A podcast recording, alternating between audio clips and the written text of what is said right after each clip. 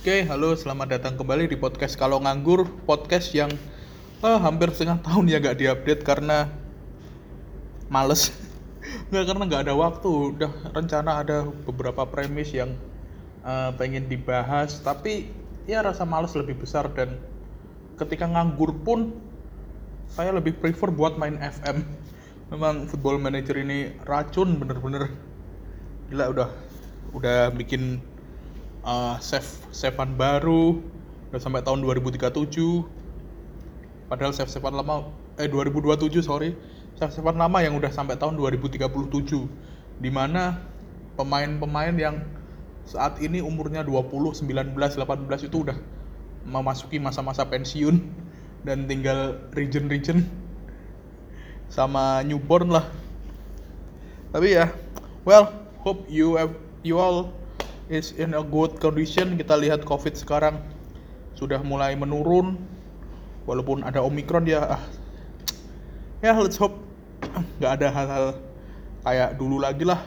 Udah udah bosen, apalagi ini sekolah udah uh, masuk di beberapa daerah udah ada yang 100% mungkin.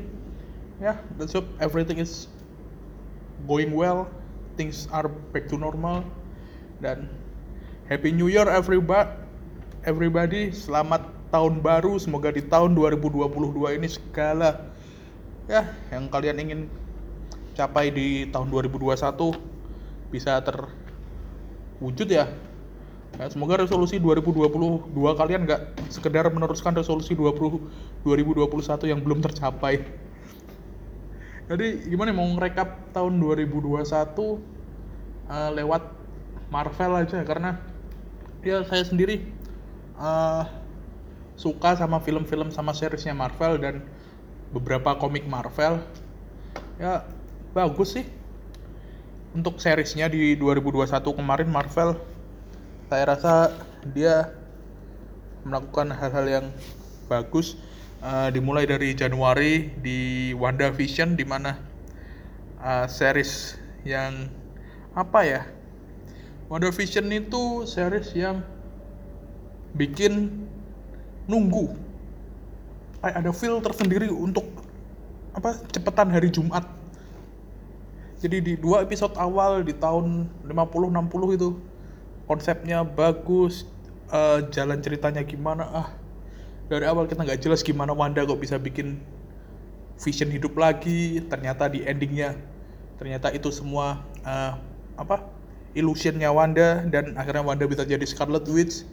It's a very very good things. Bagus banget buat uh, introduce Scarlet Witch ke MCU I mean sebelumnya kan yang dikenalin oleh MCU baru sekedar Wanda Maximoff dari Sokovia. Belum dikenalin Scar Wanda as a Scarlet Witch dan di WandaVision bagaimana pengenalannya Wanda sebagai Scarlet Witch itu oh keren banget. Ya jadi ternyata uh, percobaan Hydra ke Wanda pakai Mind Stone-nya Loki itu dari Loki Sculptor ternyata tidak memberi efek uh, apa ya tidak memberi perubahan efek ke Wanda. Karena Wanda memang dari awal born as Scarlet Witch. Jadi itu cuma mem memicu Scarlet Witch keluar dari tubuh Wanda. Jadi kayak manipulasi realita, terus kemampuan telekinesis itu Wanda udah punya sebenarnya, cuman tidak tidak ada hal yang memantik. Nah, dipantiknya adalah dengan percobaan yang dilakukan oleh Hydra. Itu itu teori saya. ya, mungkin teori ngawur sih sebenarnya. Tapi gimana Peter Maximoff keluar? Astaga. Gila itulah. Saya kira itu Peter, beneran Peter Maximoff yang dari X-Men. Ya saya kira itu Ivan Ivan Ivan Peters jadi Peter Maximoffnya X-Men masuk ke realita masuk ke universe-nya MCU ah ternyata Ralph Bohner ah gila gila. Aduh nggak nggak nyangka sih. Ya soalnya kan yang di MCU Quicksilver itu kan dia diperanin oleh uh, si Aaron Taylor Johnson atau ATJ ya.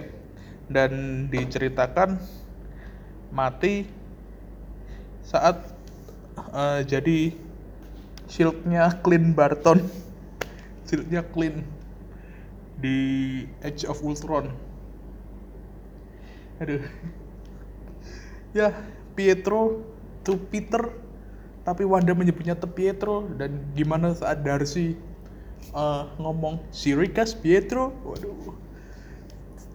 I think itu beneran Evan Peters jadi Peter Maximoff yang X-Men masuk ternyata uh, manipulasinya. Agatha Harkness. Ya. WandaVision adalah salah satu series yang bagus banget di 2021 uh, Grammy nomini nominis kayaknya dia. Dan sebagai pembuka setelah 2020 Marvel fans puasa ya karena Covid akhirnya Black Widow mundur, WandaVision pun akhirnya sebenarnya juga mundur. Mundur ke 2021 pembuka yang sangat keren. Keren banget.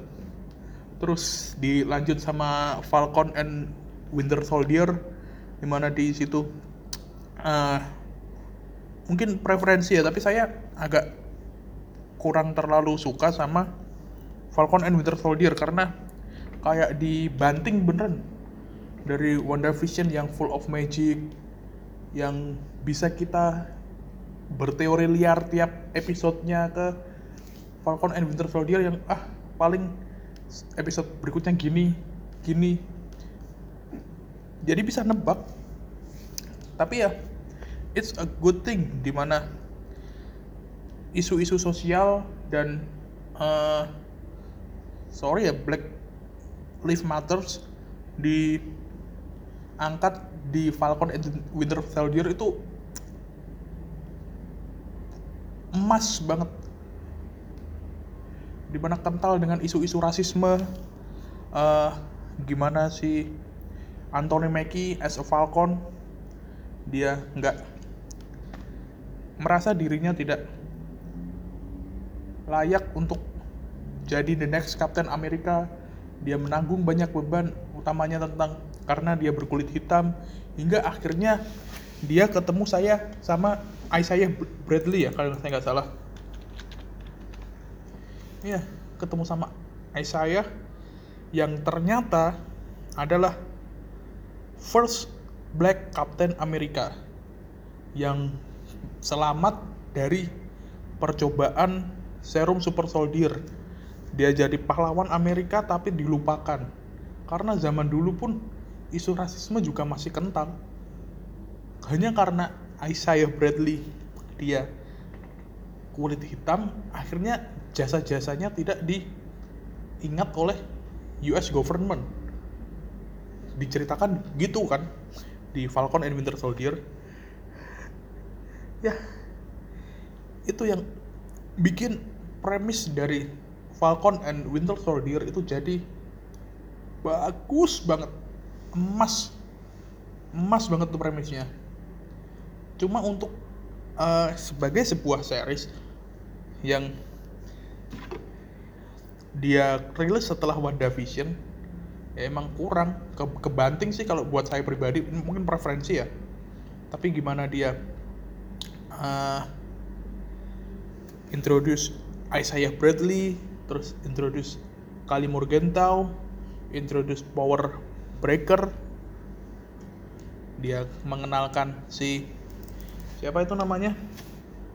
Si John Walker ya US US agent. Itu bener-bener bagus banget untuk uh, jalan cerita di fase 4 dari MCU karena uh, di credit scene-nya Falcon and Winter Soldier si Wyatt Russell uh, si John Walker US agent ini dia kan di datengin eh kok di di scene sih di ending terakhir ya di, beberapa episode terakhir itu saya lupa episode terakhir episode 5 atau 6 uh, dia kan di jadi rekrutan oleh Val si Val Allegra de Fontaine kan. Uh, si siapa kalau di komik itu dia jadi Madam Hydra yang mana Madam Hydra di uh, apa seri Marvel itu udah pernah muncul saat Agent of Shield season 4 yaitu sebagai Aida yang si apa androidnya Fitz. Tapi ya menarik dilihat gimana Madam Hydra muncul di MCU Phase 4 karena di post credit scene-nya Black Widow pun dia muncul sebagai orang yang rekrut si Yelena.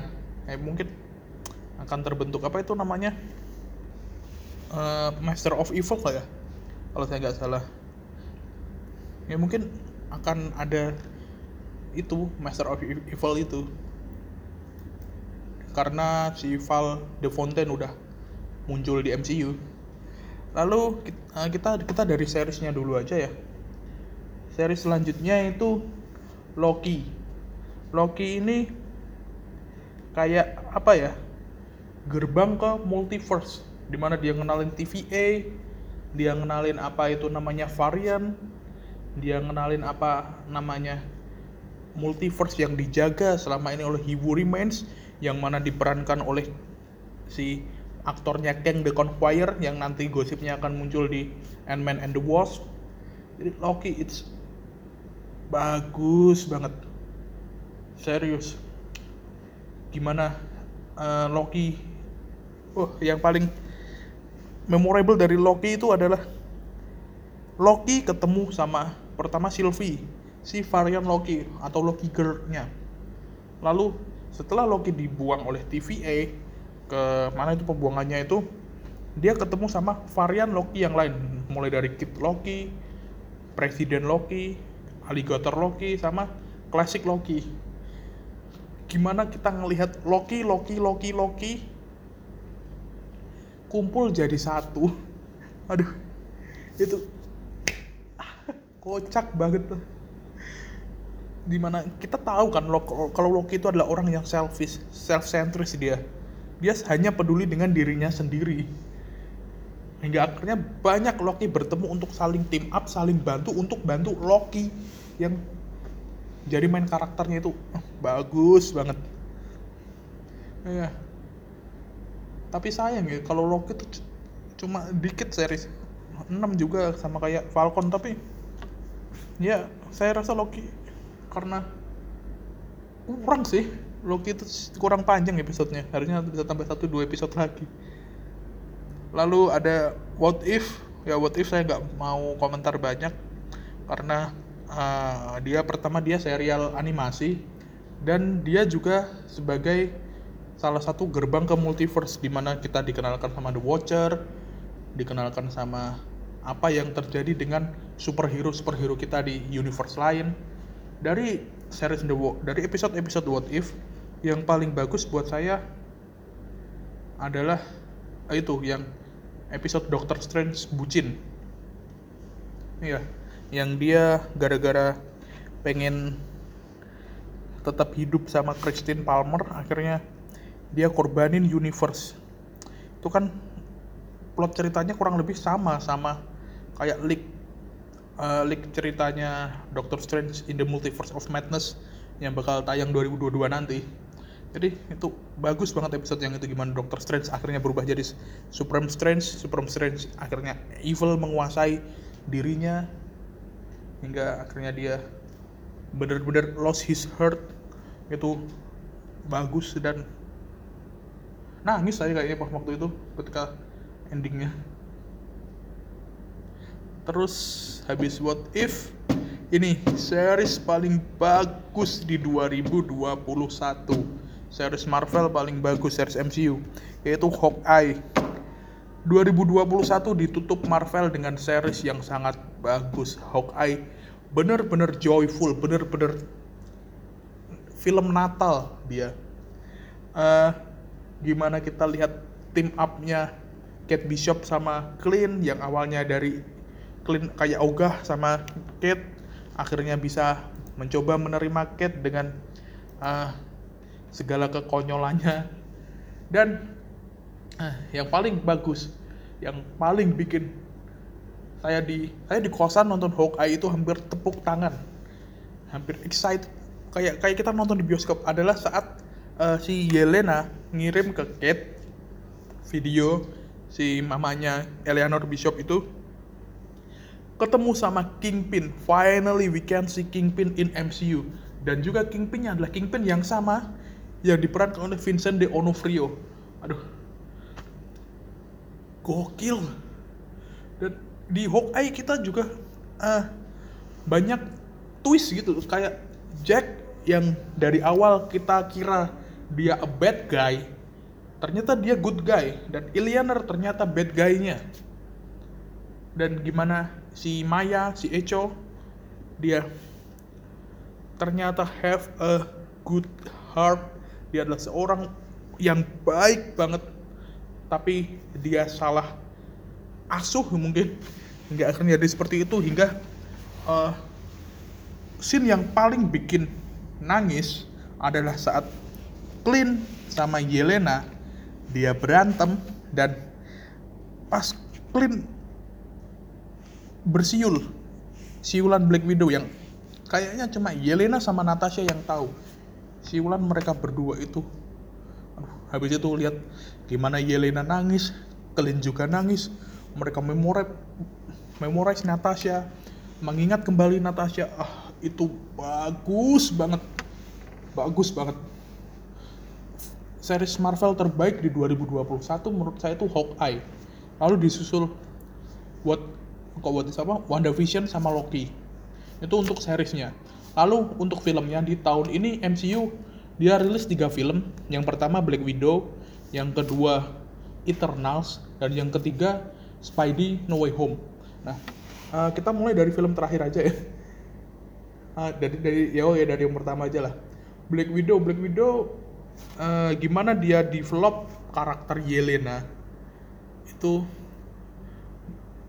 bagus. Hanya uh, kenapa kok tiba-tiba red room dia bisa ada di atas langit? Terus oh ya 13 menit awal film Black Widow adalah 13 13 menit awal opening film terbaik yang pernah saya tonton. Gimana masa kecilnya Natasha hingga akhirnya dia uh, ride the plane to save her family itu bagus banget. Bahkan scoringnya juga bagus itu. Aduh. Ya hanya miss miss dari Black Widow adalah uh, ada beberapa plot hole yang ya harusnya ada penjelasannya kayak gimana Red Room tiba-tiba bisa di, ada di atas langit. Lalu yang paling bikin ngeselin dari Black Widow adalah Taskmaster. Kayak ah gitu doang nih tas master tak kira tas masternya itu bener-bener real feel real villain gitu. Bener-bener penjahat yang bener-bener dia bad guy. Ternyata ya another widow yang anaknya si siapa itu bosnya Red Room yang pas kecilnya dibom sama Natasha sama Clint. Ternyata cuma Taskmaster tuh cuma bikin hah? Hah? Hah gitu doang. Ya di luar development karakter dari Yelena yang sangat bagus Alexei juga development karakter dari Red Guardian juga kurang. Uh, background stories dari keluarga Natasha buat saya juga kurang. Yang dia Black Widow punya cerita yang uh, premis cerita yang bagus. Uh, tentang gimana Natasha berusaha mengumpulkan kembali keluarganya karena dia diserang oleh Red Room. It's uh, apa ya kayak family family filmnya Marvel. Bagus kok Black Widow sebenarnya. Lalu uh, film kedua Sangchi. Oh sorry empat film ya Black Widow, Sangchi, Eternal sama No Way Home. Sorry Sangchi tadi ke skip. Uh, Sangchi ya Sangchi ini jokes-jokes yang keluar di internet adalah Sangchi ini adalah cek toko sebelah dengan bumbu action. Gimana premisnya tuh kayak film-film orang Tionghoa banget. Alur ceritanya kayak filmnya kok Ernest lah, hampir mirip. Di mana ada anak yang tidak mau meneruskan usaha keluarganya. Hingga akhirnya dia berantem dengan ayahnya. Kan hampir mirip kan sama CTS di mana Erwin berantem sama Koh Afuk karena Erwin sendiri nggak mau nerusin toko tapi kok Afuk maksa Erwin buat nerusin toko. Nah ini si Sangci juga sama. Wenwu pengen si Sangci buat nerusin Ten Rings tapi Sangcinya nggak mau. Hingga akhirnya dia escape dia melarikan diri dari uh, misinya waktu itu ya sebagai film origin pertama Marvel di MCU di mana Sangchi belum pernah keluar sebelumnya. Uh, yang yang lumayan disesalkan adalah tidak ada penjelasan kenapa Ten Rings bisa sampai ke Wenwu. Tapi mungkin itu akan dijawab saat di seriesnya Ten Rings karena katanya akan ada series Ten Rings. Overall Sangchi ini dia ya menghibur. Sebagai sebuah film dia menghibur di mana adegan aksinya bagus jokes-jokesnya juga on point uh, cameo-cameonya juga. Ada si Abomination ada si Wong juga. Ya overall it's good untuk Shang-Chi sebagai sebuah film yang baru di Marvel. Yang ya film di mana kita nggak nggak nggak tahu sebelumnya ya. misal kayak uh, pembentukan itu buat introduce Sangchi oke okay lah. Gimana akhirnya Sangchi juga akhir terakhir dia pegang ten ringsnya tapi kayaknya saya lupa kalau nggak salah. Ten ringsnya dikasih ke Wong waktu itu di ending filmnya. Dan uh, yang memorable dari Sangchi adalah Hotel California. Bagus. Aduh itu bagus banget. Pas karaoke itu bertiga. It's, wow. kayak oh closing yang sangat wow. Lalu ada Eternals. Ya Eternals film asal tempel dari MCU ya ya saya tahu gimana susahnya introduce 10 karakter baru yang uh, immortals overpowered like a god bahkan level mereka setara Tuhan setara dewa di Marvel. Kita lihat referensinya juga dari dewa kayak Tina bagi referensi dari Dewi Athena. Tapi ya kayak apa ya Eternals itu film filsafat sebenarnya. Bagaimana manusia hidup berdampingan dengan mereka eh, gimana kita bisa harus mempertahankan apa yang kita yakini kita cintai. Kayak ajak yang dari dulu dia kekeh supaya jangan mencampur urusan manusia. Akhirnya di endingnya si ajak sebelum dibunuh Ikaris dia uh, tidak sependapat dengan Ikaris ya. Si Ikaris kan dia tetap loyal sama si Artisem sebagai karena dia the real warrior enggak. Akhirnya dia uh, mengorbankan ajak ke Devian ya yeah, I think film filosofis banget Eternals ini secara premis. Hanya secara eksekusi mungkin agak apa ya agak kayak film asal tempel. Karena kita tahu Eternal sudah ada di bumi dari ribuan tahun yang lalu. Gimana kita mencari dia Marvel si Clozau berusaha menceritakan dari ribuan tahun yang lalu ke tahun yang sekarang atau five year after blip 2023 itu tidak itu butuh waktu yang lama. Ya kayak cuma asal tempel. Uh, adegan ini di masa sekarang tiba-tiba di flashback ke masa lalu. Adegan ini masa sekarang flashback ke masa lalu ya kayak film-film flashback. Dan uh, untuk humornya Eternals bagus sih. Dia menghibur uh, Kingo sama asistennya itu saya lupa namanya. Dan ya satu hal yang paling bagus dari Eternals adalah Cersei ya game macan karena it's actually my she's actually my favorite my idol si game macan. Dan screen time-nya paling banyak juga di akhir juga dia introduce si Dan Whitman sebagai Black Knight ya kalau saya nggak salah. Ya. Terlalu filosofis sehingga uh, saya pas nonton tuh juga haha pusing. Dari sini kok kok throwback lagi? Throwbacknya kok gini? Throwbacknya kok gini? Tapi ada satu hal yang bikin saya paham kalau sebenarnya si Eternals itu dia adalah kayak kalau Vision kan synthezoid kalau si Eternals tuh kayak makhluk buatan bukan bukan makhluk alami gitu. Adalah saat si Tina kena kena penyakit Met YY bahasanya ya. Itu kayak saya udah tahu kalau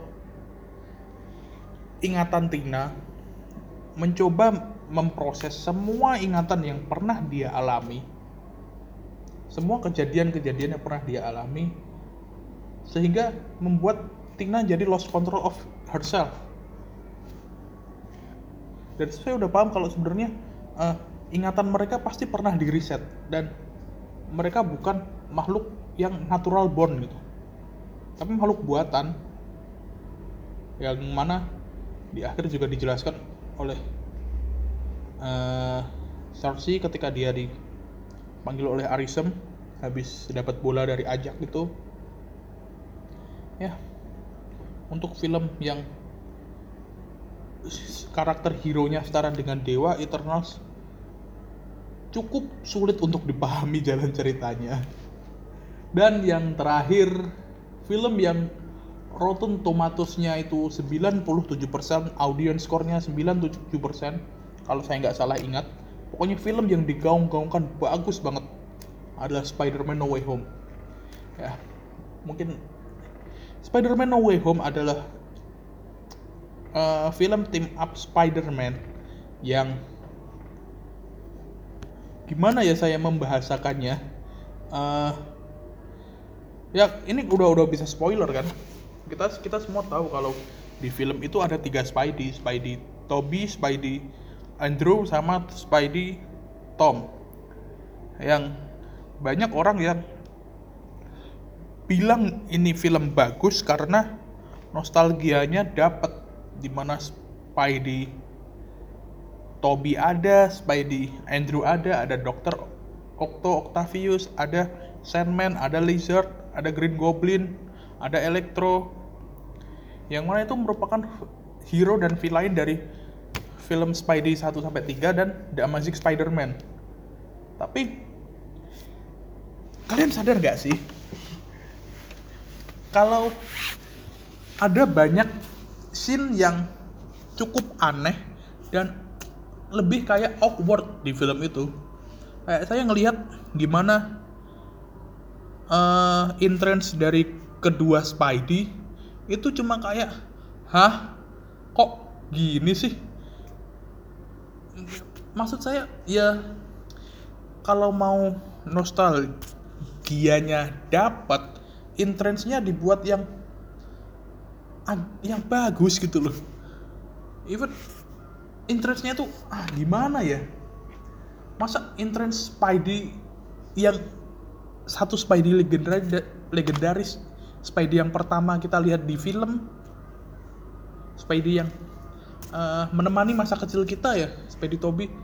Terus ada Spidey Andrew interestnya dilempar roti. Aduh. Ya.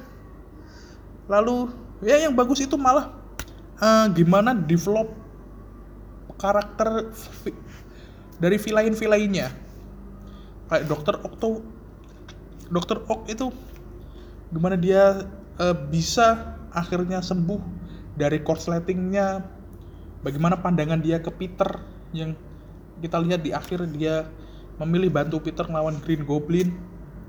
Gimana Norman Osborn actingnya gila-gilaan sebagai Green Goblin. MVP di film Norman Osborn dan Dr. Octo Octavius. Dua orang ini. Itu yang bagus itu memorable banget loh. Kayak tapi yang di duo Spidey Toby sama Andrew? Kok gitu sih? Terus ada lagi uh, yang paling awkward adalah scene kematian dari Aun Mai dari Bibi Mei kayak apa ya? Bibi Mei dipaksa mati di film ini hanya untuk ngeluarin tagline with great powers come great responsibility hingga akhirnya bisa dipakai di ketika Spidey Tom ketemu sama Spidey Toby dan Spidey Andrew. Harusnya ya kondisi kayak gitu? Kalau Peter Parker-nya Tom itu bener-bener real heroes lihat on my kondisi kayak gitu ya swing lah. Dibawa on my ke klinik terdekat bukan malah diajak ngobrol. Ya kayak ya iya ini film tapi ya yang logis gitu loh. Kalau dia heroes dia punya hati heroes ya do the heroes do. Bukan malah diajakin ngobrol. Dan juga uh, empat villain dibawa ke si tempatnya happy itu itu adalah hal terbodoh yang nggak mungkin saya lakukan. Udah tahu ya. Uh, udah di explain kalau sebelumnya si dokter Octavius nyerang Peter terus Sandman juga Sandman ngelindungin ya Electro yang nyerang Peter. Itu ya harusnya tahu lah kalau mereka itu jahat. Ngapain dibawa ke satu tempat dengan dasar moral terlalu uh, apa ya? Bingung saya sampai ngomongnya. Saya mau ngomong terlalu bodoh tapi ya bener memang kalau Peter yakin sama hal yang dia lakukan ya itu hal yang benar. Tapi aneh. Lalu ada lagi uh, scene di mana Ned bisa bikin portal kayak Doctor Strange. Ya maksudnya uh, Doctor Strange dia bisa bikin portal itu setelah diajari oleh Ancient One. Ada prosesnya. Nah cuma pakai cincinnya itu terus tiba-tiba bisa. Aduh, aduh, aduh kalau dia cuma mau refer ke jokes net yang uh, ke omongan ya mungkin bukan jokes ya, ke omongan net yang kata neneknya Night dia ada keturunan penyihir ya ya nggak segitunya lah masa dia bisa buka portal nggak bisa nutup portal? Aneh kan? Dan juga uh, scene di mana ketika tiga Spider-Man ketemu dan mereka saling ngobrol itu ada beberapa yang uh, apa ya? Ada yang awkward misal kayak Peter One, Peter Two, Peter Three itu kalau kita lihat ekspresi mereka bertiga itu awkward banget loh. Yang mana Toby itu uh, terlalu wise dia jadi Spidey. Untuk saat ini mukanya udah bukan muka-muka Spider-Man lagi. Dia terlalu kebapak-bapakan. Terlalu bijaksana sebagai Spider-Man. Yang akhirnya diketemukan dengan Spider Andrew sama Spider Tom. Tapi overall buat saya di luar jalur jalur cerita yang bagus ini dia uh, sebenarnya bagus karena ini untuk developing karakter Peter Parker Tom di film-film selanjutnya. Kabarnya kan uh, Peter Parker Tom dapat kontrak tiga film trilogi Spider-Man selanjutnya. yang digarap Sony ya tapi masih relate sama MCU di akhir kan kita lihat Peter Parker udah kembali ke Peter Parker yang sesuai dengan marwahnya yaitu Peter Parker yang nggak punya siapa-siapa dan nggak punya apa-apa. Kalau di trilogi Spider-Man MCU sebelumnya uh, Homecoming, Far From Home sama No Way Home kita lihat Peter Parker ini seorang anak. Kalau bahasa kasarnya mungkin Peter Parker Tom Holland di trilogi film sebelumnya adalah Peter Parker yang jadi sugar baby-nya Tony Stark dia terlalu mengandalkan tools dari Tony Stark.